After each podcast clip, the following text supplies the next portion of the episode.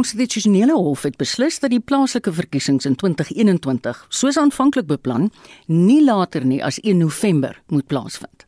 Dit het sommige partye soos die ANC, die IDM en die PAC onkant betrap omdat hulle nie hulle volledige kandidaatelys betyds by die verkiesingskommissie ingedien het nie. Die hof het ook die aankondiging van die 27ste Oktober as ongrondwettig verklaar wat die moontlikheid van 'n nuwe verkiesingsrooster skep. Maar dis nog nie duidelik of dit ook die registrasieproses van kandidaate kan heropen nie. Hendrik Martin doen verslag.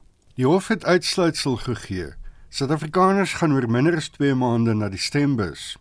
Die ANC regeer in 2/3 van die land se 278 munisipaliteite. Maar kon in 93 munisipaliteite nie kandidaate stel nie. 'n Teleurgestelde ANC tesourier-generaal, Paul Mashatile, sê dit is vir hulle 'n terugslag. If elections are in October, we're in trouble because we can't fix. We're going to have areas where we have no candidates. And remember, if you have no candidate, you get no vote, not even one. So that will be a setback to us. Maar die uitspraak word reeds ontleed. Die ANC se woordvoerder, Pule Mabe, sê hulle hoop op 'n kans dat kandidaatlyste weer heropen sal word. The decision now allows for some of the issues that we have raised in the past to now be considered by the IEC when the date initially proclaimed for elections has now been set aside. The IEC has now been empowered to be able to revise its own timetable, allow those that uh, might not have uh, registered to be able to participate in that process. Alle oë is ook nou op die verkiesingskommissie se vermoë om 'n kiesersregistrasie naweek te hou. Maar Vuyani Pambu van die EFF waarsku teen enige veranderinge aan die verkiesingsrooster. We must warn the IEC that it must not be tempted to open candidate registration. It must continue with the timetable as it is. The only thing that would make this IEC look more credible is for it to open voter registration. Die leier van die DA, John Steenhuisen, het die uitspraak verwelkom. The court has ruled that we can have a free and fair election, and I think they've looked to international example. Just two weeks ago in Zambia, they had a free and fair election. We have to adapt to the new normal. This government has expected business and citizens to adapt to the COVID world, and political parties themselves have to adapt to it. So we can't subvert our democratic processes and the democratic rights of citizens. We don't know how long COVID's going to be with us, and so we have to adapt our systems to be able to meet them. Hoewel die IFP aanvanklik die uitstel van die verkiesings ondersteun het, sê woordvoerder Nkuleko Glengwa dat hulle gereed is om deel te neem. I want to confirm that the IFP is ready for the election and will be rolling out a campaign consistent with the COVID regulations that are in place. And we are calling on our structure now to hit the ground running and to go into these elections full force. Die OFK moet nou binne 3 kalenderdae na die datum van die bevel bepaal of dit prakties moontlik is om nog 'n ronde kiesersregistrasie te hou. Tans het 25,7 miljoen stemgeregtigdes geregistreer en die kommissie sal die komende naweek vergader om die uitspraak te bespreek. 'n Nuuskonferensie word maandag verwag. Hierdie bydra van Ntebo Mokobo van ons politieke redaksie en ek is Hendrik Martin vir SAK nuus. Wel dis die groot nuus van die dag en sekerlik van die naweek ook. En ons gaan met verskillende kenners oor hierdie saak praat. En eerste aan die beurt is regter Johan van der Westhuizen wat voorheen in die konstitusionele hof gedien het. Goeiemôre Johan. Ja, goeiemôre, goeiemôre. Wat presies was die hof se uitspraak? Ja, die dilemma wat ek het, um, is dat ons het net die hof se bevel nie die volledige uitspraak met die redes nie. Die bevel begin deur te sê um, for the reason for the reasons that will follow. Um, uh, ek verstaan van jou kollega Hendrik dat net die bevel beskikbaar is en nie die volle redes nie so miskien het die hof bedoel hulle sal later die redes gee. So ek kan die bevel ontleed. Ehm um, uh, daar staan erns so terloops dat die verkiesings wel vry en regverdig gaan wees nie. Ehm um, regter Moseneke het het bevind dat dit redelikerwys nie moontlik is om regverdig te wees nie, maar soos wat dit nou uh, in julle insetsel gesê is, die hof het uh, die die uh, verkiesingskommissie se aansoek om dit uit te stel na Februarie toe waar ook al ehm um, geweier. Wat die hof die grondwet is baie duidelik die uh, munisipale mense wat verkies word hou die poste vir 5 jaar en binne 90 dae na die verstryking van die 5 jaar moet daar 'n nuwe verkiesing plaasvind. En ehm um, wat die hof kan natuurlik nie die grondwet verander nie. Terwyl hierdie word dan weerspieël en dit klop ander wette, die verkiesingswet en wetgewing wat handel met munisipale bestuur ensovoorts. Soos wat die hof nou gesê het, is die aansoek om uitstel word van die hand gewys. Die verkiesingskommissie moet teen maandag sê of hulle 'n uh, uh, kiesregistrasie naweek kan nou en indien hulle nie kan nie, dan moet in ieder geval 'n uh, verkiesingsdatum geproklaameer word wat nie laat tussen tussen 27 Oktober wat dit sou wees en op die laaste 1 November. Uh dit sê niks in verband met kandidaatlyste ensovoorts nie. Daar word nou die ongrondwetlikheid van uitstel verwys. Wat dink jy is die redes?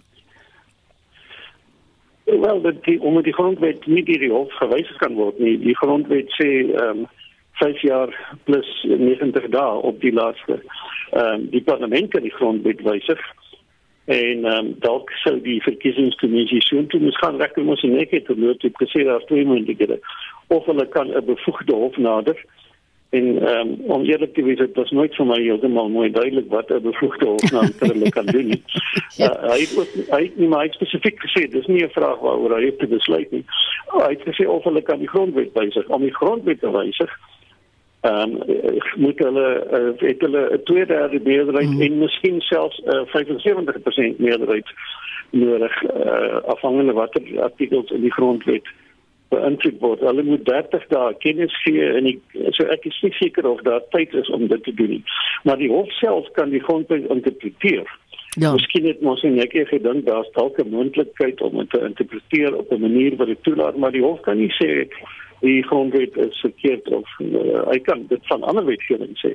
Die hof kan ander wetgewing, laer wetgewing inderdaad ehm um, uh, ongrondwettig bevind as dit met die grondwet strydig is, maar die hof kan nie teen die grondwet gaan. Uh, net terloops uh, hierdie storie van die kandidaatlyste en so voort.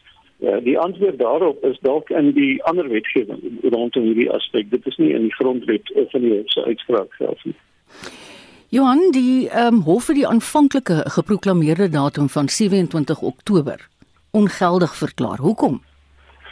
Uh, dit is nie vir my op op die bevel wat ek het uh, sonder die redes is dit nie vir my duidelik waarom nie. Maar wat wat ek dink dalk 'n rede kan wees, uh, natuurlik kan daar nie 'n nuwe datum afgekondig word as die vorige nog staan. So as hulle byvoorbeeld 1 November die verkiesingsdatum uh, uh, wel hê dan sal die proklamasie van 27 Oktober ehm um, uit die weg geruim moet word. Nou ek weet nie of hulle by die afkondiging van die nuwe datum die vorige een kan herroep en of die hof bevind daar is iets anders fout met daardie ehm um, mm. proklamasie van 27 Oktober nie, maar soos ek sê ek het nie die volledige redes voor my. Ek moet jou sê ek verstaan nogal die frustrasie want soos jy sê ons het nie die redes nie. Ek en Hendrik het ge kajuitraad gehou en dit klink vir my hulle hou die OVK 'n media konferensie maandag. So teen daai tyd sal hulle waarskynlik die redes verstrek.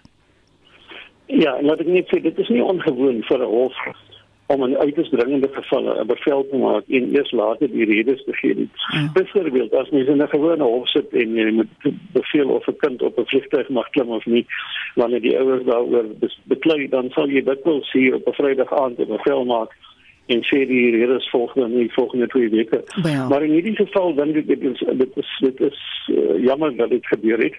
Byvoorbeeld die bevel uh, volgens die inleidende sin is 'n meerderheidsbeslissing, met ander woorde daar is 'n minderheid van regters ah. wat verskil het. So ons weet nie die getal nie. Ons weet nie wie dit was nie en ons weet nie die redes nie. So dit is nie onmoontlik om dit so te doen nie. Ja. Maar dit is inderdaad jammer dink ek dat in 'n geval soos hierdie hulle nie die redes dat ek nou net 'n klein ander ding sê. Mm. As as erva uit ervaring as 'n regter en die redes lê nie dikwels tot tot tot 'n beslissing. Ehm um, en van die ou regters het eendag gesê laat ons sien waar die pen ons sal een lei. En dis die tyd wat die ouens nog uitsprake met penne geskryf het en nie met komputers nie nie met rekenaars nie. Maar dit voel terwyl jy aan die redes werk uh, verander jou uh, idee oor die eindpunt. Ja. so om redes om 'n bevel te verskaf sonder redes in 'n geval soos hierdie is 'n bietjie gevaarlik. Um, ek hoor reeds die DA leiers sê hulle het bevind die verkiesing kan vry en regverdig wees. ek sien dit nie in die bevel nie. Dalk het hy redes wat wat ons net nie weet nie uh, wat hy daarin sien. Maar ek dink dit is nou juist die diepe spekulasie ehm um, wat wat nou veroorsaak word hierdie feit dat daar nie redes is nie. Want die eerste een van die eerste vrae wat vra kom as as hierdie verkiesing nou voortgaan voor 1 November Uh, moet ons nou sommer van die standpunt aanvaar dit gaan nie vry en regverdig wees nie want regter moes net het so gesê aan die einde van 'n baie lang deeglike verslag nadat hy met talle deskundiges en so voort beraadslaag het. Nou hy hy was natuurlik nie 'n hof nie, hy was maar net 'n 'n ondersoekende kommissie, maar uh, daardie soort van goed sou mens graag in die redes wou sien. Kom ons hou duim vas. Hulle gee dit vir ons maandag. Dankie dat ons jou kon pla op 'n Saterdag, Johan. Dit was regter Johan van der Westhuizen wat voorheen in die konstitusionele hof gedien het. Een van die ander hoeke waarmee ons hierdie saak belig, is met die leier van die Vryheidsfront Plus, Dr Pieter Groenewald. Goeiemôre Pieter. Goeiemôre Marieta. Julle ouens het gesê dat die uitspraak verwelkom. Hoekom? Korrek, eh, die Vryheidsfront Plus verwelkom hierdie uitspraak en daar is basies twee redes in beginsel en die eerste is dat dit is 'n oorwinning vir grondwetlike demokrasie. Ons het nou gehoor wat uh, oudregter Johan van der Westhuizen gesê het dat die grondwet hof het nie die bevoegdheid om die grondwet te wysig nie met die parlement en laat ek nou maar sommer dadelik sê dat daar is nie 'n manier dat die parlement die grondwet kan wysig voor uh die datum van sê 1 November nie die proses laat dit eenvoudig nie toe nie. So ons sê dit was die korrekte uitspraak gewees. In die tweede plek sê ons dat kiesers het die reg om as ons gaan kyk na die haglike toestande in 'n uh, groot meerderheid van ons plaaslike regerings om die geleentheid te hê hulle demokratiese reg om nuwe raadslede te kan kies. En daarom sê ons dis ook 'n oorwinning vir die kiesers van Suid-Afrika. Dit skep natuurlik 'n geweldige probleem vir die verkiesingskommissie. Maar ek wil dadelik sê dat ek dink die verkiesingskommissie het sy eie dilemma geskep tussen hom en die minister wat die proklamasie uh uitgevaardig het. En uh, ja, uh Johan van der Westhuizen is korrek. Daar's onsekerheid hoekom hulle sê dit is ongrondwettig. Ek is van mening dat die hof uiteindelik gesê dat daar moet 'n geleentheid gekyk word dat die kiesers dit nog kan registreer en hulle kan nie registreer as die bestaande proklamasie daar is nie want die wetgewing bepaal. Die oomblik as die verkiesing geproklaameer is dan sluit die kieserslyste met ander woorde dit moet eintlik ongeldig verklaar word as jy 'n geleentheid wil gee vir kiesers om weer te registreer. Of dit kan plaasvind weet ons nie. Ons sal nou moet wag tot maandag. Maar as ek sê dat die verkiesingskommissie en die minister het hulle eie dilemma geskep. Hulle weet mos al lankal wat is die beperkings. Hulle weet al lankal wanneer is die afsnytye wanneer daar 'n verkiesing gehou moet word. Die president het al vroeg aangekondig dat 27 Oktober is die datum. Daar bestaan 'n veelparty skakelkomitee op nasionale vlak met die verkiesingskommissie waar alle politieke partye verteenwoordig is. En ek kan vir ons luisteraars sê, die Vryheidsfront Plus het al in die begin van die jaar het ons vir die verkiesingskommissie gesê julle moet die COVID maatreëls in ag neem. Daar is genoeg tyd om behoorlike kiesersregistrasie toe te laat. Daar sou registrasies gewees het die 17de en die 18de Julie sover ek kan onthou en dit het skielik besluit om dit uh, nie te hou nie. Hulle het uh, geen behoorlike rede gehad om dit nie te hou nie. Hulle wou geskyn het agter inperkingsmaatreëls. Daar was meer as genoeg tyd om dit te kan doen. So hulle het hulle eie dilemma geskep. Ek het geluister na wat die ANC aangevoer het dat hulle gesukkel het om op die webblad te kom en dat die COVID pandemie hulle jy weet gepoeik het. Maar die redes wat hulle aangevoer het, het is dit nie waar vir alle partye nie. Heeltemal korrek. Uh dis uh Wel, jy sê is dit nie waar vir alle partye nie, dit is waar dat alle partye die uitdagings gehad het. Ek meen die Vryheidsfront Plus het binne die perke gebly, tydperke, afsnytye. Ander politieke partye het daar binne gebly en hulle kon betyds hulle eh, kan die kompenseer registrasie vir kandidaate gedoen het. Uh, ja, daar was hier en daar hakplekke met die web uh, tuiste of met die internet koneksies, maar die punt van die saak is jy kan nie wag tot op nommer 99 nie. En dit is gewoonlik ook so dat as jy betyds en jy kan bewys dat jy betyds wel jou lyste ingedien het. Ek weet dan is dit 'n blote administratiewe aangeleentheid, dan sal die verkiesingskommissie jou nog toegelaat het. Mm. Met alle respek, die ANC het flou verskonings. Hulle is nie georganiseer nie. Hulle interne gevegte het veroorsaak dat hulle nie kon bepaal wie is op die lyste nie. Dit is waar die probleme mm. ontstaan het. Om nou die verkiesingskommissie die skuld te gee is eenvoudig onwaar. Dit is uh, onbillik om dit te doen. Hulle kon as soos jy reg gesê het, as ander politieke partye aan al die vereistes kon voldoen het, dan kon hulle dit ook gedoen het. Is julle ten gunste van 'n registrasie naweek? Uiteraard, want uh, dit gee kiesers 'n geleentheid om wel ook op die kieserslys uh, te kan registreer want ons moet onthou 'n plaaslike regeringsverkiesing is anders as 'n nasionale en 'n provinsiale verkiesing in die sin. Byvoorbeeld kom ons vat 'n nasionale verkiesing. As jy geregistreer is as 'n kiezer, kan jy op stemdag enige plek in die land wees. Ja. En dan kan jy gaan stem. Mm. Maar met hierdie munisipale verkiesing kan jy slegs stem in die wijk waar jy geregistreer mm. is. Mm. Met ander woorde, jy kan nie in al bly jy in dieselfde munisipaliteit. As jy geregistreer is in wijk 1, kan jy nie op stemdag besluit ek gaan stem nou in wijk 10 nie. Ja. Jy kan slegs stem waar jy geregistreer is. En dit ja. maak 'n groot verskil. Mm. En, en daarom verwelkom ons daardie geleentheid vir die kiesers dat hulle weer kan registreer of dit gaan gebeur weet ons nou nog nie die verkiesingskommissie moet nou besluit oor die ja. naweek ons sal nou maandag hoor of hy dit kan doen en dan is daar 'n ander insident uh kom ek vat 'n spesifieke ding wat die Vryheidsfront Plus ervaar het Ons het byvoorbeeld 'n kandidaat wat in Swane gestaan het paar maande gelede gelede in 'n uh, tussenverkiesing.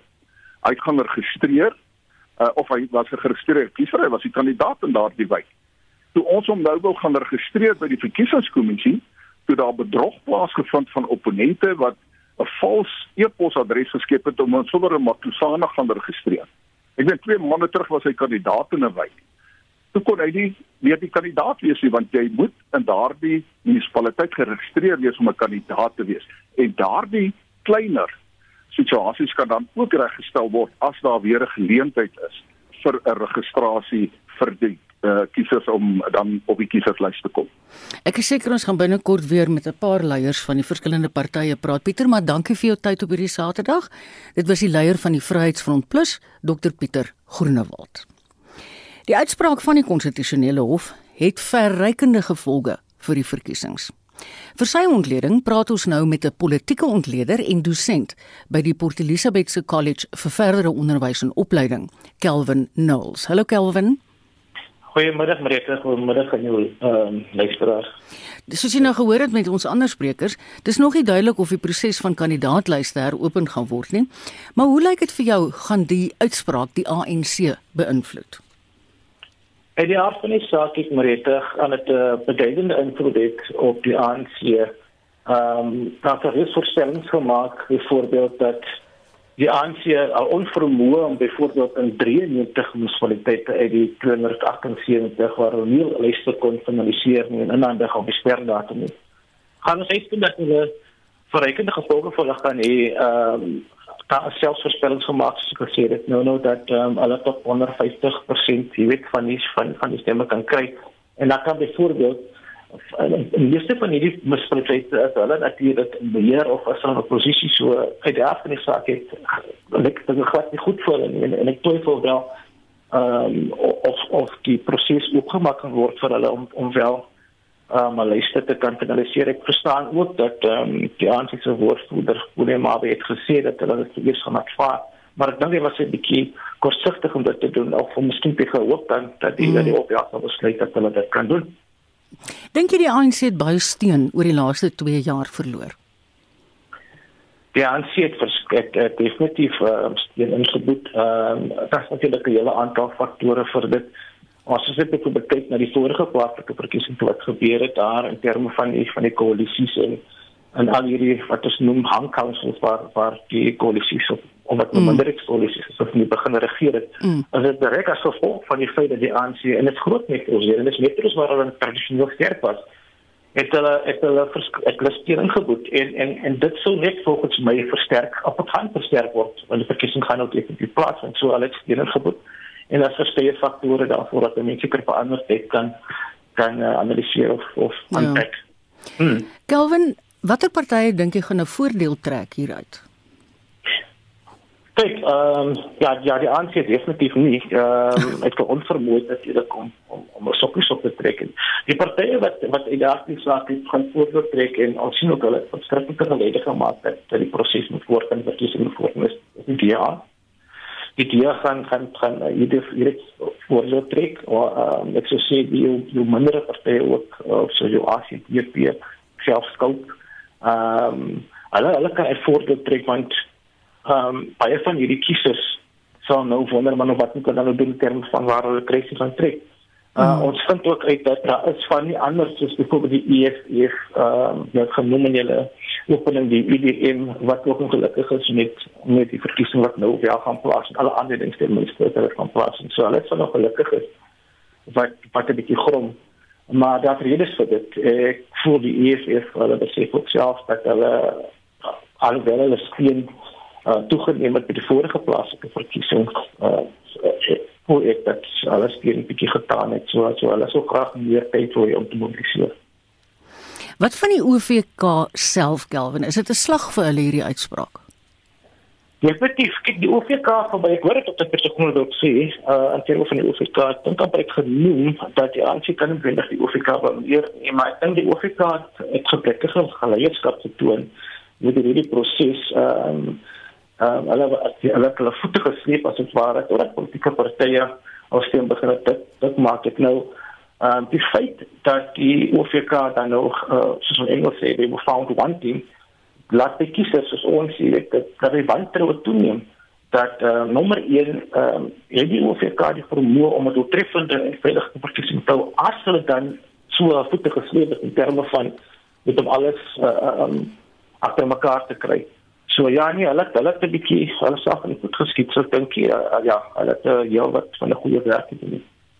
Is jy van opinie dat vrye en regverdige verkiesings voor 1 November kan plaasvind?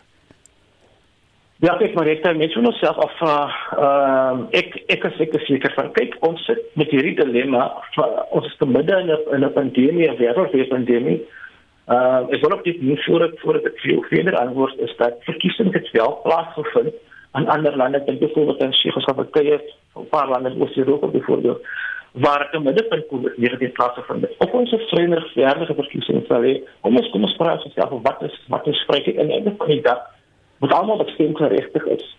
Uh, aan die ander hierdie wat nog 18 ons op 18 ouer is, ehm um, ons kan stem, ons kan stem vir 'n politieke party of 'n kandidaat van ons keuse so so dit is vry. Kyk ons het redelike vry verkiesings gehad ja. vir jare, dit is vry wees regverdig. Ek sou sê, kyk soos uh, John Steele het gesê reg, kyk, dit is 'n new normal. So ons sit hier uh, um, en ons moet die beste maak van 'n baie, ek wil nie sê slegte slegte situasie. Ja, maar buitengewone saak, ja.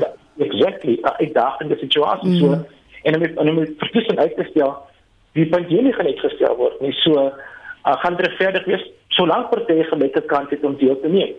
Solank hulle gelyke kans het of hulle kan kan campaign, hulle kan stemme werf. Ehm um, ek het toegang tot die tot die media byvoorbeeld. Solank ons dit of die OVK dit kan verseker, dan dink ek ons sal vreemdig verder verkies net om dit uit te stel soos die IDM byvoorbeeld vra vir 12 maande, die EFF het dink ook 12 maande praat 'n korreksie daar. En dit kan vlak nie uh, dit gaan vlak nie vir ons baat nie. So uh, ja nee, ek dink dit gaan vreemdig verder wees daar's ander platforms om byvoorbeeld te kan campaign ons dink aan die virtuele platforms daar's sosiale media jy weet mm. uh, so mm. Ja nee ons ek dink dit is nog regtig verder nie Een van die vorige sprekers het verwys na die haaglike toestande van plaaslike regerings. Nou vra mense aan die ander kant, hoe dringend is dit vir mense om nuwe plaaslike stadsrade te kies? Ja, net kyk vir Marita, ons sit hier in 'n in 'n baie ernstige situasie waar ons uh daar's verskriklik baie munisipaliteite wat wanfunksioneel is of ja. disfunksioneel is. Uh hierdie amptenare wat wat wat deel is wat uh, deel is van hierdie wanfunksionele uh stadsrade, munisipaliteite en distrikte. Kyk hulle hulle het gekom en gegaan. So as ons nou kyk of sou hier vir die harte van die tyd gespreek in terme van hulle amptenare en so die verkiesing moet afgehandel word want as dit nie gedoen gaan word nie gaan ons met hulle legitimiteitskrisis dat hier sou waar ons sê dat hierdie hierdie amptenare wat wat wat nou hierdie swak diens lewer wat nie hulle werk kan doen nie gee dit hulle word dan nou nog langer in hulle posisie aangehou en ons sit reeds ook met kiesers wat vreesloos is gedurende hierdie pandemie ja hulle hulle hulle trek hulle self automaties van die politiek af. Hulle is nie so polities aktief nie en as jy dat's verskriklik apatie as dit kom so vir dit ons wil dit uh, versterk nie jy weet en en soos hulle sê en ons perpetuate nie. Ja. So uh, ja, nee, so wat dit is die daardie verkiesing moet plaasvind so ons gaan swaar op met die groot af as die mense hulle stem kan gebruik. Jy weet om om om om hulle eie lys te kan kies. Maar ek het gister gehoor die president sê treurige am amptenary kan nie langer hulle self verskans in klein stadsrade nie. Maar ek ja. meen, um, moes dit nie 2, 3 jaar terug gesê geword het nie. Ja, natuurlik, maar jy sien, ehm um, ons sit ook met 'n ander dilemma, jy weet waar jy gaan so veel van die verstout om te sê dat ehm um, die ANC is bekend daarvoor dat hy aan die einde van die dag hy beloon van praktyke, van praktyke jammer of kom ons sê mense skuldig maak. Hmm. Ons sien veral skadig maak en kom ons sê van praktyke of of swak bestuur. Ons sien veral hulle hulle vervelende beleid van kaderontplooiing. Jy weet waar mense uit wat uh, aanjag op provinsiale vlak en selfs nasionale vlak hulle word natuurlik ontplooi na plaaslike regeringsvlak so. Ons sit in 'n situasie dis dis dis 'n bietjie laat om dit nou te sê. Ek dink uh soos ons sê going forward, dan mense kyk nou hoe kan ons ontslae raak vir die mense wat jy weet ehm um, nie dat kan bring op plaaslike regeringsvlak nie. Mm. Dit was baie goed om met jou te gesels en dankie vir jou kennis Kelvin. Dit was 'n politieke ontleder en dosent by die Port Elizabeth se College vir verdere onderwys en opleiding Kelvin Knowles.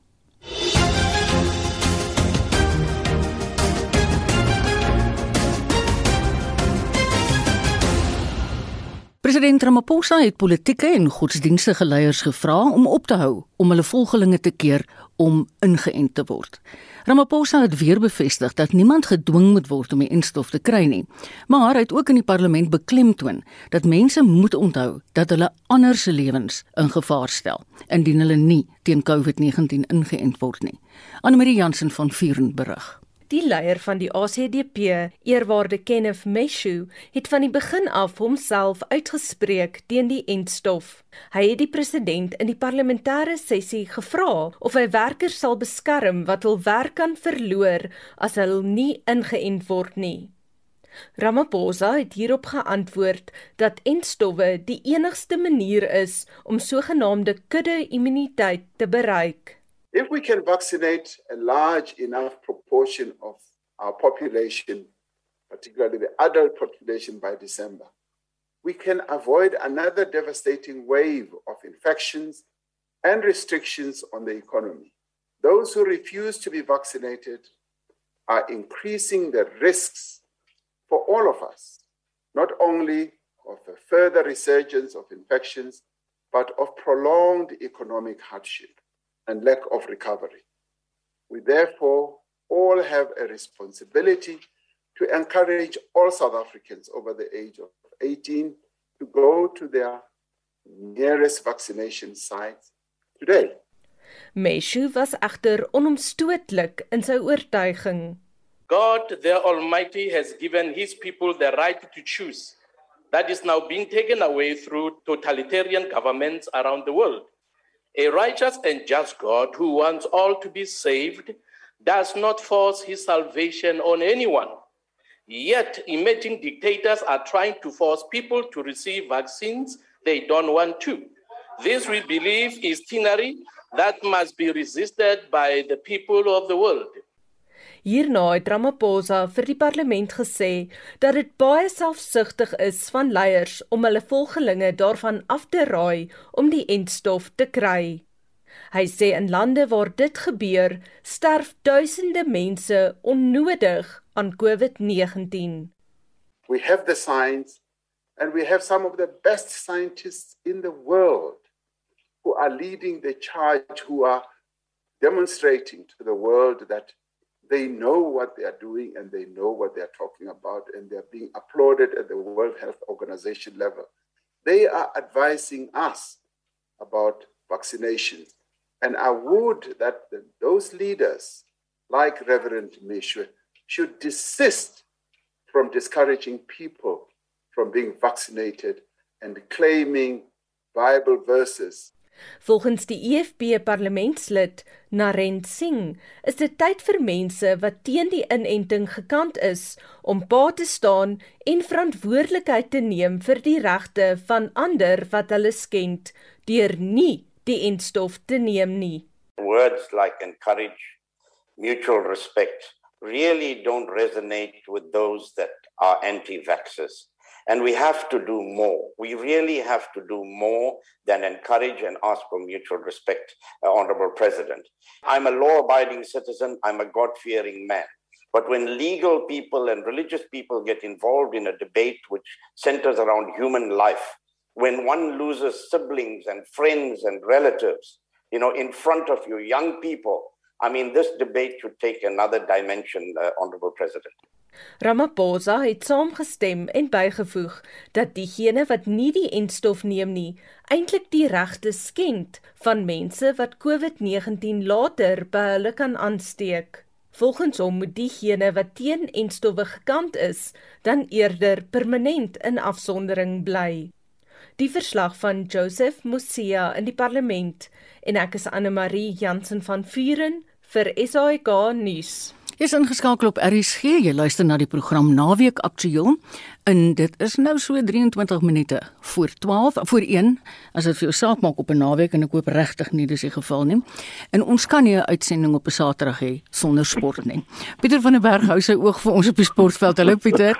Hallo Marita, tyd maak nie snaakie, maar die punte maak saak. ja, dis wel waar, dis baie waar. Die eerste half-eind rugby wedstryd in die Curriebeeker reeks is afgehandel en nou is die vraag, watter span gaan vandag koning kraai om die eindstryd te haal? Ja, die halfwyn wedstryd is natuurlik die Bullet en die WP na die eerste wedstryd gisterand gewees en vandag is dit die Haie teen uh, Griek was. Nou gisterand op Wolfs Versveld is die Bullet wat vroeg is, stewige voorsprong opgebou het. Hulle het 'n paar drie gaan druk en hulle het uiteindelik daardie wedstryd met 48-31 teen die WP gewen. En die Bullet het 6-3 gedruk teenoor die 3 van die WP. Nou die eindstryd sal dan met ander woorde op Wolfs Versveld wees want die Bullet was bo aan die punte leer en dan vandag se wedstryd is die tweede een die Haie teen Griek was. Daardie wedstryd begin om 5:00 vanmiddag daar in Durban en uh, Johan Tormalen sal ons op hoogte hou van gebeure daar. En dan môre word die rugby kampioenskap hervat. Dit is van Australië en Nieu-Seeland om 8:00 Suid-Afrikaanse tyd môreoggend te mekaar op die veld draf. En die Springbokke, hulle sal aanstaande week op die veld wees en dit is teen Australië. En dan Marita, ek het net verlede week slegte nuus oor sewe rugby ontvang kan jy nou glo. Ja. Hierdie hierdie Saterdag presies dieselfde. Ja, dit uh, gehoor. die nuus wat ons het is natuurlik die Kaapstad sewes wat gekanselleer is. Dit sou plaasgevind het van 10 tot 12 Desember en dit is natuurlik as gevolg van Covid en natuurlik al daardie reisplanne en dinge wat uh, hiernatoe moet plaasvind. En die ander toernooi wat gekanselleer is, is Singapore se. Dit sou van 29 tot 30 Oktober aangebied word. So daardie twee toernooie sal dan nie deel wees van van jaar se internasionale sewes reeks nie. Wanneer speel die Bokke volgende naweek? Saterdag of Sondag? Nee, dis 'n Sondagwedstryd. Goed, dankie. Bafana Bafana was gister in aksie as deel van FIFA se internasionale sokkervenster en dis nou natuurlik met die oog op die Wêreldbeker, né? Nee. Ja, daar's 'n hele rits wêreldbeker kwalifikasiewedstryde wat gespeel word. Nou ons kom ons kyk na 'n paar van die uitslag gister. Soos jy sê, Suid-Afrika was in aksie, ons het teen Zimbabwe gespeel in Zimbabwe en in die eindtelling daar 'n 0 doele elk. So uh, ons sal maandag weer in aksie wees, die keer teen Ghana en dan van die ander uitslae sluit in dat Tunesië vir Ekwatoriaal geneem met 'n 3-0 getroof het en Ghana was baas uh, oor Ethiopië, die telling 1 doel teenoor 0. Van vandag se talle wedstryde wat gespeel word, sluit in dat die Oekraïne vanaand om kwart voor 9 teen Frankryk op die veld draf en in Nederland, hulle sal teen Montenegro speel en daardie wedstryd ook om kwart voor 9 vanaand. Ek het gehoor net nou in ons nuusbulletin, arme Kimi Raikkonen volg die pad van die sewes. Hmm. nou, ek weet die Formule 1 engines brul nou al in Nederland, maar wie die beste gevaar in die oefensessies? Ja, daar die eerste oefensessies op Zandvoort is gister afgehandel. Nou uh dis 'n Ferrari se Charles Leclerc wat die beste daaraan toe was veral daar in die tweede ene. Nou interessant dat die voorloper op die punte deur Lewis Hamilton. Hy het 'n goeie eerste sessie gehad, maar in die uh, middag was hy net 3 rondes was hy buite op die baan en uh toe die probleme bietjie met die masjien, uh die enjin het uh, vir hom gesê nee, hy moet maar uh, Kuiper toe. So hy het nie daar goed gevaar nie. Die tweede vanste was Carlos Sainz en die ander Ferrari met Esteban Ocon op die in Alpine uh, natuurlik natuurlik in in die derde plek en dan Valtteri Bottas in die Mercedes, die ander Mercedes, hy was daar vierde, as ek sê die ander Mercedes, Lewis Hamilton is natuurlik in die een en hy kon net 11de vanaf sy tyd daar stel. Die uh, derde uh, oefenronde of oefensessie dan vind op die oomblik plaas en dan die kwalifikasie bietjie later vandag Baretta en dan sal die hoofwedren môre om 3 uur gejaag word. Ek moet jou sê ek dink Max Verstappen sal alles probeer om om sy tuisland te wen. ja ja ja, en kan jy nou glo dis maar net 3 punte wat hulle nou skei ja. na verlede week se wedren so ja, kom ons gou van dit pas mm, môre. Mm. Kom ons kyk 'n bietjie na die uitslae by die Amerikaanse Ope tennis toernooi. Ek het gister 'n monitor gehoor jy sê reën het eintlik spel nogal baie omgekrap. Ja, veral gister. Gister het sake heelwat beter geloop. Nou van die mans enkelspelwedstryde wat afgehandel was, daar's twee groot verrassings geweest. Dit is in die ronde van 32 waar ehm um, ons kyk daar die derde keer dis Stefanos Tsitsipas. Hy het 'n vyf stelle pak gekry by Carlos Alcaraz uh, van Spanje en dan die VSA se uh, Francis Tiafoe. Hy het afgereken met die 50 keer de Rus Andrei Rublev en dit was ook 'n vyf stelle. 'n Goeie oorwinning daarom vir die tweede keer de Rus Daniel Medvedev. Hy het vir Pablo Aguilar in 'n uh, drie stelle uitgeskakel. Later vandag speel Suid-Afrikaanse Lloyd Harris teen Dennis Shapovalov. Hy sewende keer vir die toernooi en die eerste keer in Novak Djokovic. Hy sal teen Kei Nishikori op die baan stap. Dan in die vroue enkelspel in die ronde van 32 twee interessante uitslae vir my was België se Elise Mertens wat in twee stelle klaar gespeel het met Tunesië se Jabeur, die telling 6-3 en 7-5 en dan Duitsland se Angelique Kerber. Sy het drie stelle nodig gehad om die VSA se Sloane Stevens se klop met 5-7, 6-2 en 6-3. Kyk, een van die jaarlikse golfhoogtepunte is die toerkampioenskap op die Amerikaanse reeks, maar ek vermoed daar's ook aksie in Europa. Ja, jy is reg, dis natuurlik 'n groot geld daar by die toerkampioenskap en as die FedEx finaal net voor ons daarby kom, kom ons loop na die Europese toernooi. Dis 'n uh, natuurlik die Italiaanse Ope se derde ronde wat reeds aan die gang is. Redelik ver gevorder aan. Johannes Veerman, hy is die voorloper op 1200 syfer. Een nou beter as Nikolai Hosgaard wat op 1100 is. Suid-Afrikaanse Daniel van Tonder, hy's baie goed geplaas in die derde plek saam met Alexander Levi. Hulle is beide daar op 1000 en George Kutsie, hy's op 500 syfer in die 17de plek. En dan het ons gepraat van die toerkampioenskap, net die top 30 spelers op die FedEx beker se ehm um, leer is natuurlik daar in daardie toernooi in aksie en hulle het bietjie nou ja, hulle met 'n uh, uh, as gevolg van die FedEx punte leer slaan hulle af met sekere uh, reeds uh, uh, houe op die op die telkaart of die voorlopersbord. Patrick Candy het begin op 1000 syfer en hy het nou gister 66 gespeel in die tweede ronde. Hy's nou al 1700 vir die toernooi. En dan Jon Rahm, hy is nou op 1600 na baie goeie 65 gister. Bryson DeChambeau hy's op 1100 met ander hele paar houe agter daardie twee voorste manne en dan sien ons dat Louis Oosthuizen, hy's in die 10de plek op die oomblik Maretta, hy's op 800 syfer. Wat cricket betref, weet ek ons staan einde se kant toe met die toets tussen Engeland en Indië op die Oval. Is daar ook ander cricket aan die gang? Ja, dis uh, dag 3 wat op die oomblik aan die gang is op die Oval in Londen. Nou Indië 191 in die eerste beurt aangeteken. Engeland het geantwoord met 290, so 99 loop die voorsprong en toe het Indië gisterand gaan slaap op 43 sonder verlies. Hulle kolf nog steeds rustig voort 73 sonder verlies op die oomblik. Hmm. So daardie ja, daardie aantal lopies uh, het heelwat kleiner geraak. So ons sê die voorsprong was 99 73, so dit gee vir ons so 26 lopies wat hulle nog agter is. Maar hulle het nog al 10 balkies staande. So dit gaan goed met Indië op dag 3. Dan die Protea se manspan, hulle het pak gekry na die eerste eendag wedstryd teen Sri Lanka. Sri Lanka daar met 14 lopies gewen. Nou die tweede eendag wedstryd moes so rukkie gelede al begin het. Nou reën het spel daar vertraag en ons sal maar later vanmiddag in uh, eh, RSG Sport sal okay. ons hoor wat in daardie wedstryd gebeur. En dan later vandag speel Zimbabwe teen Ierland, dis in die 5de T20 en Suid-Afrika se vrouespan. Hulle is môre in die derde T20 wedstryd teen die Wes-Indiese eilande in aksie. Nou nou Suid-Afrika loop daarvoor met 1-0. Ook sien uit na daai een, ek sal hom graag kyk. Pieter, kom ons maak ten laaste 'n draai by die Paralimpiese spele in Tokio want ek weet ons het gister baie oulike swemmers gehad wat deurgedring het na die finaal toe, né? Nee? Ja, ongelukkig nie nog 'n medalje in die swemmat nie, maar goeie nuus oor atletiek man daar het 'n medalje gewen waar die swemmat aan betref uh, Kat Swanepoel het vierde in die finaal geëindig in die 50 meter rugslag vir vroue en die het vier afdeling en dan in die mans 50 meter vinderslag. Ai, nie goeie nuus nie man. Christian Sadi, hy het baie mooi gekwalifiseer vir die finaal, maar ongelukkig is hy gediskwalifiseer in daardie finaal.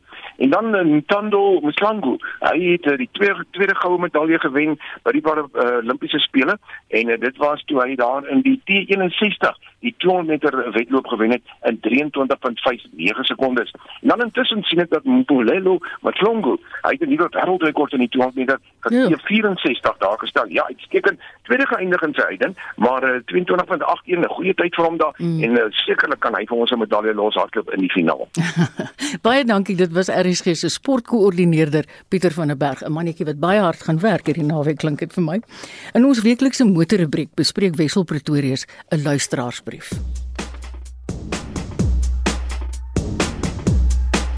Net meer as 41400 nuwe voertuie is verlede maand plaaslik verkoop. 'n Kwart meer as Augustus verlede jaar. Die kuberaanval op Transnet se bedrywighede en die onrus in Julie het egter steeds 'n impak op uitvoere. Minder as 20000 voertuie is verlede maand uitgevoer of dan 15,6% minder as in Augustus 2020. Toyota was loshande die topverkoper. Trouwens, een uit elke 4 nuwe voertuig was 'n Toyota. Maar die Hilux, die groot uitblinker met 3335 eenhede. Tweede, Volkswagen, gevolg deur Nissan en Hyundai. Suzuki het vraggieswaar vir Ford geklop om die 5de plek met 2470 eenhede, 'n rekordmaand vir Suzuki. Sewende was Renault, gevolg deur Haval, Kia en in die 10de plek Isuzu. Ek het 'n brief van Hercules te 2 ontvang met twee vrae.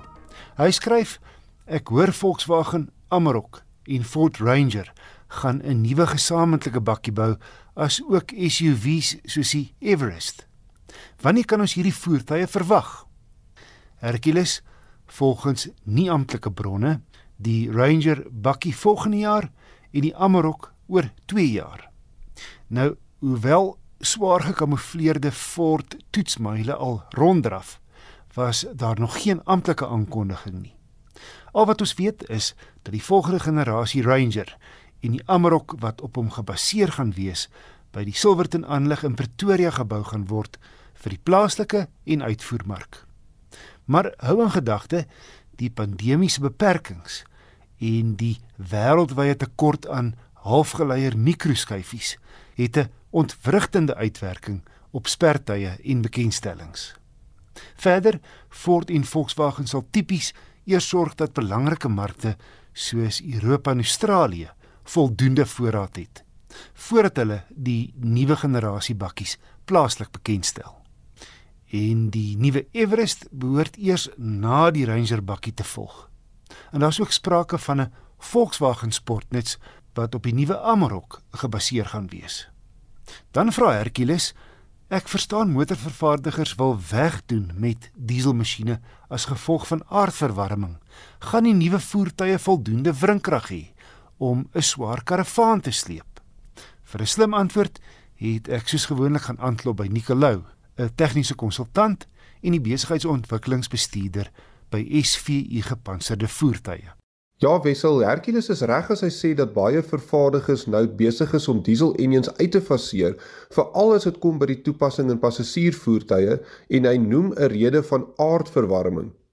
Nou as ons 'n stapie terugneem, Aardverwarming word meestal veroorsaak deur CO2 en die CO2 uitlaatgas kom voor by petrol en by diesel engines en wat interessant is is dat diesel engines eintlik heelwat beter is as dit kom by CO2 emissies teenoor petrol engines en dit wil sê dan heelwat minder CO2 vrystel. So dit is nie regtig die rede nie. Ehm um, die rede is eintlik die ander skadelike emissies wat diesel engines dan nou vrystel en ons weet almal van die Volkswagen diesel skandaal wat hom so ruk terug afgespeel het veral in Amerika en Europa waar die vervaardiger dan nou gemislei het deur die syfers wat op die offisiële toetssiklus behaal word en dan wanneer die voertuig op 'n normale padsiklus is dan baie meer van hierdie skadelike emissies vrygestel het.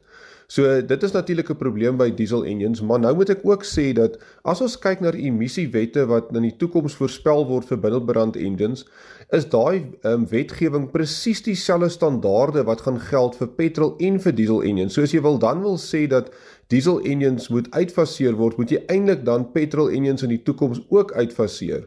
Um, ons moet ook onthou dat jou fossiel brandstowwe wat uit ruolie vervaardig word, daai proses um, bring natuurlik heelwat ehm um, verskillende brandstowwe voort waaronder petrol en diesel dan nou ook val. So as jy nou ewe skielik al die diesel engines in die wêreld gaan ophou, dan gaan jy nou met 'n oorskot diesel sit van daai proses. So dit gaan nie sommer gebeur nie.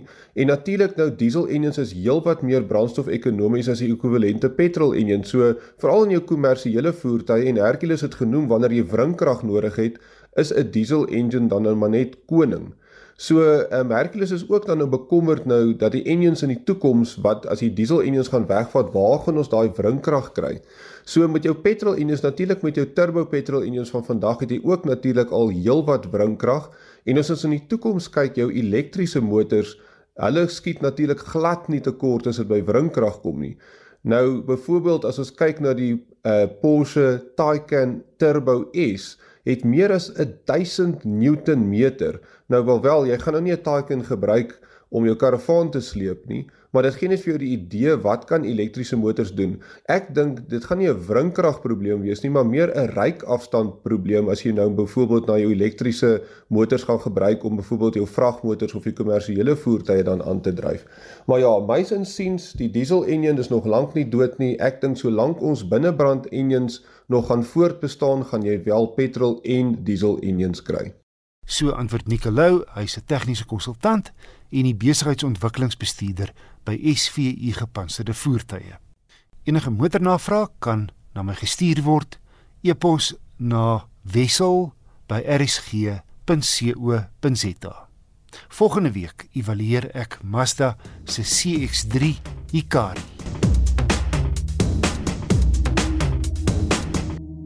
Dankie Wessel. Vandag, 4 September, is internasionale aasvoeldag. Aasvoëls gaan vir die eerste keer ooit hulle eie sogenaamde veilige sone in die Karoo kry. Hiermee hoop omgewingsbewusters om aasvoëls weer na die gebied terug te lok. 'n Lid van die roofvoël taakspan by die Trust vir Bedreigde Natuurlewe, Dr Gareth Tate, het aan Anne Marie vertel wat dit behels.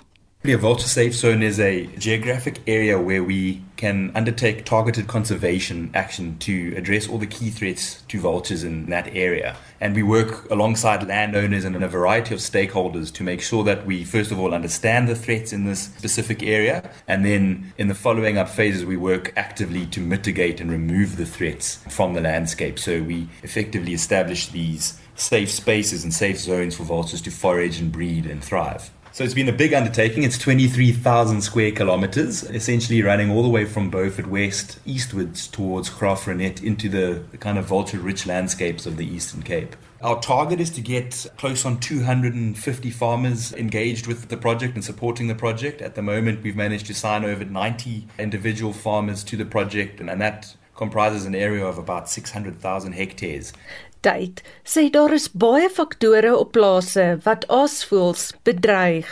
There's a variety of activities that farmers undertake on their farms that are obviously vulture unsafe, and it's not always the farmer's fault. Often they have infrastructure on their properties like unsafe power lines that might cause a electrocution or collision risk for vultures, and then things like farm dams. Uh, it's a very poorly known fact that vultures drown in, in farm reservoirs. So we work on a variety of these threats with the farmers, and also help them reduce things like poisoning on their properties. I think a big part of it is also engaging with them and raising awareness around these threats to vultures and help them remove them. You know, a lot of these farmers aren't really aware that shooting, for instance, with lead containing ammunition, it's extremely toxic for vultures. A lot of poisons are put out for problem carnivores like jackal. What is also not really known is the unintended victims that fall to that poison that's been left out in the landscape. So it's more about positive messaging and working with farmers to also establish effective ways to manage their property in a vulture friendly manner.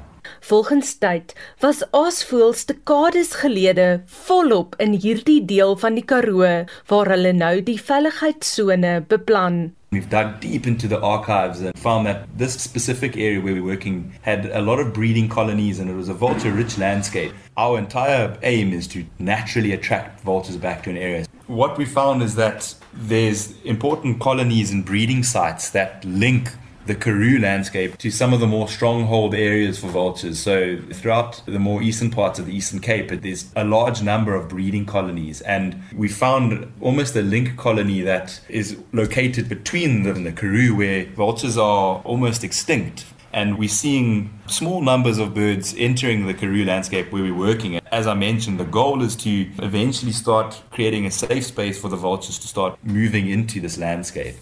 Hy sê dis deel van 'n langtermyn with these sort of conservation interventions and projects, you have to have a long term vision and a long term presence. So, for this specific area, we've got about a 10 year vision and probably going to exceed 10 years. But it's tireless work, working with farmers across huge landscapes, across huge areas, quite complex threats. And it's a very dynamic landscape as you move from one farm to the other the threats change quite radically. So it's a long term process. The first part of it is actually understanding what the threat landscape is and then understanding what the issues are and making sure that we gain leverage from the farmers themselves and the support from the farmers for the conservation of these species. So it's a very slow process and, and unfortunately you can't do it overnight. There's a reason why vultures aren't common within these landscapes anymore, and it's because of these threats that are persisting in the areas. So we slowly start phasing them out, and that's the main objective is to slowly recover the habitat to what it used to be.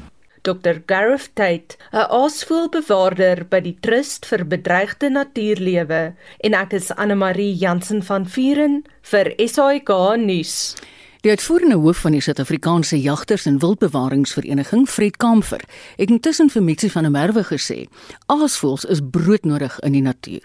As as jy die vraag vra hoekom aasvoëls in die natuur nodig is, onthou hulle is eintlik maar die opruimers wat die natuur gebruik van karkasse. So soos ons vullisverwyderaars gebruik as mense is asvoels die natuur se se vullis verwyderaars van diere wat doodgaan vir watter rede ook al. Daar's tekens dat hulle kan uitsterf. Watse spesies is dit? Dis al die asvoel spesies wat jy in Suid-Afrika kry. Daar's 6 van hulle en hulle is bedreig. Hulle getalle neem af.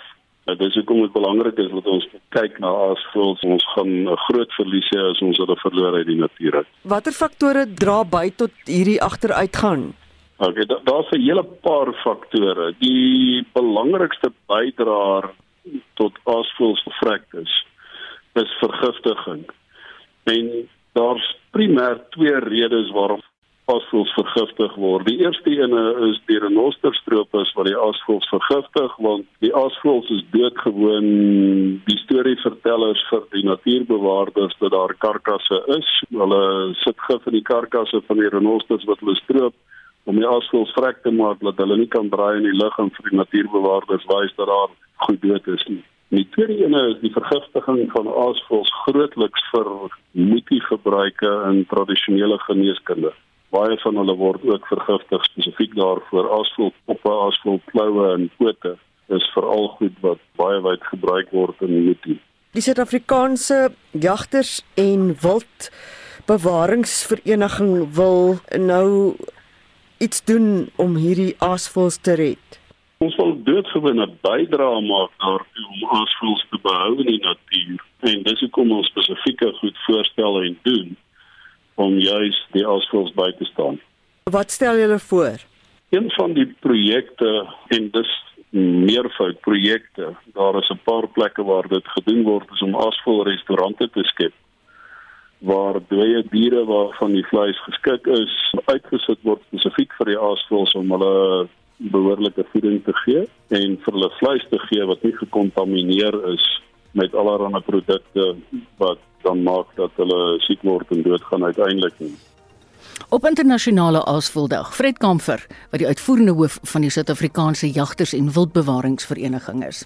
Namens ons almal hierso by Naweek Aktueel, dit sluit in Nicoline de Wee, wat ons algemene redakteur is, vandag se redakteur Hendrik Martin en die produksieregisseur Daitrin Godfrey.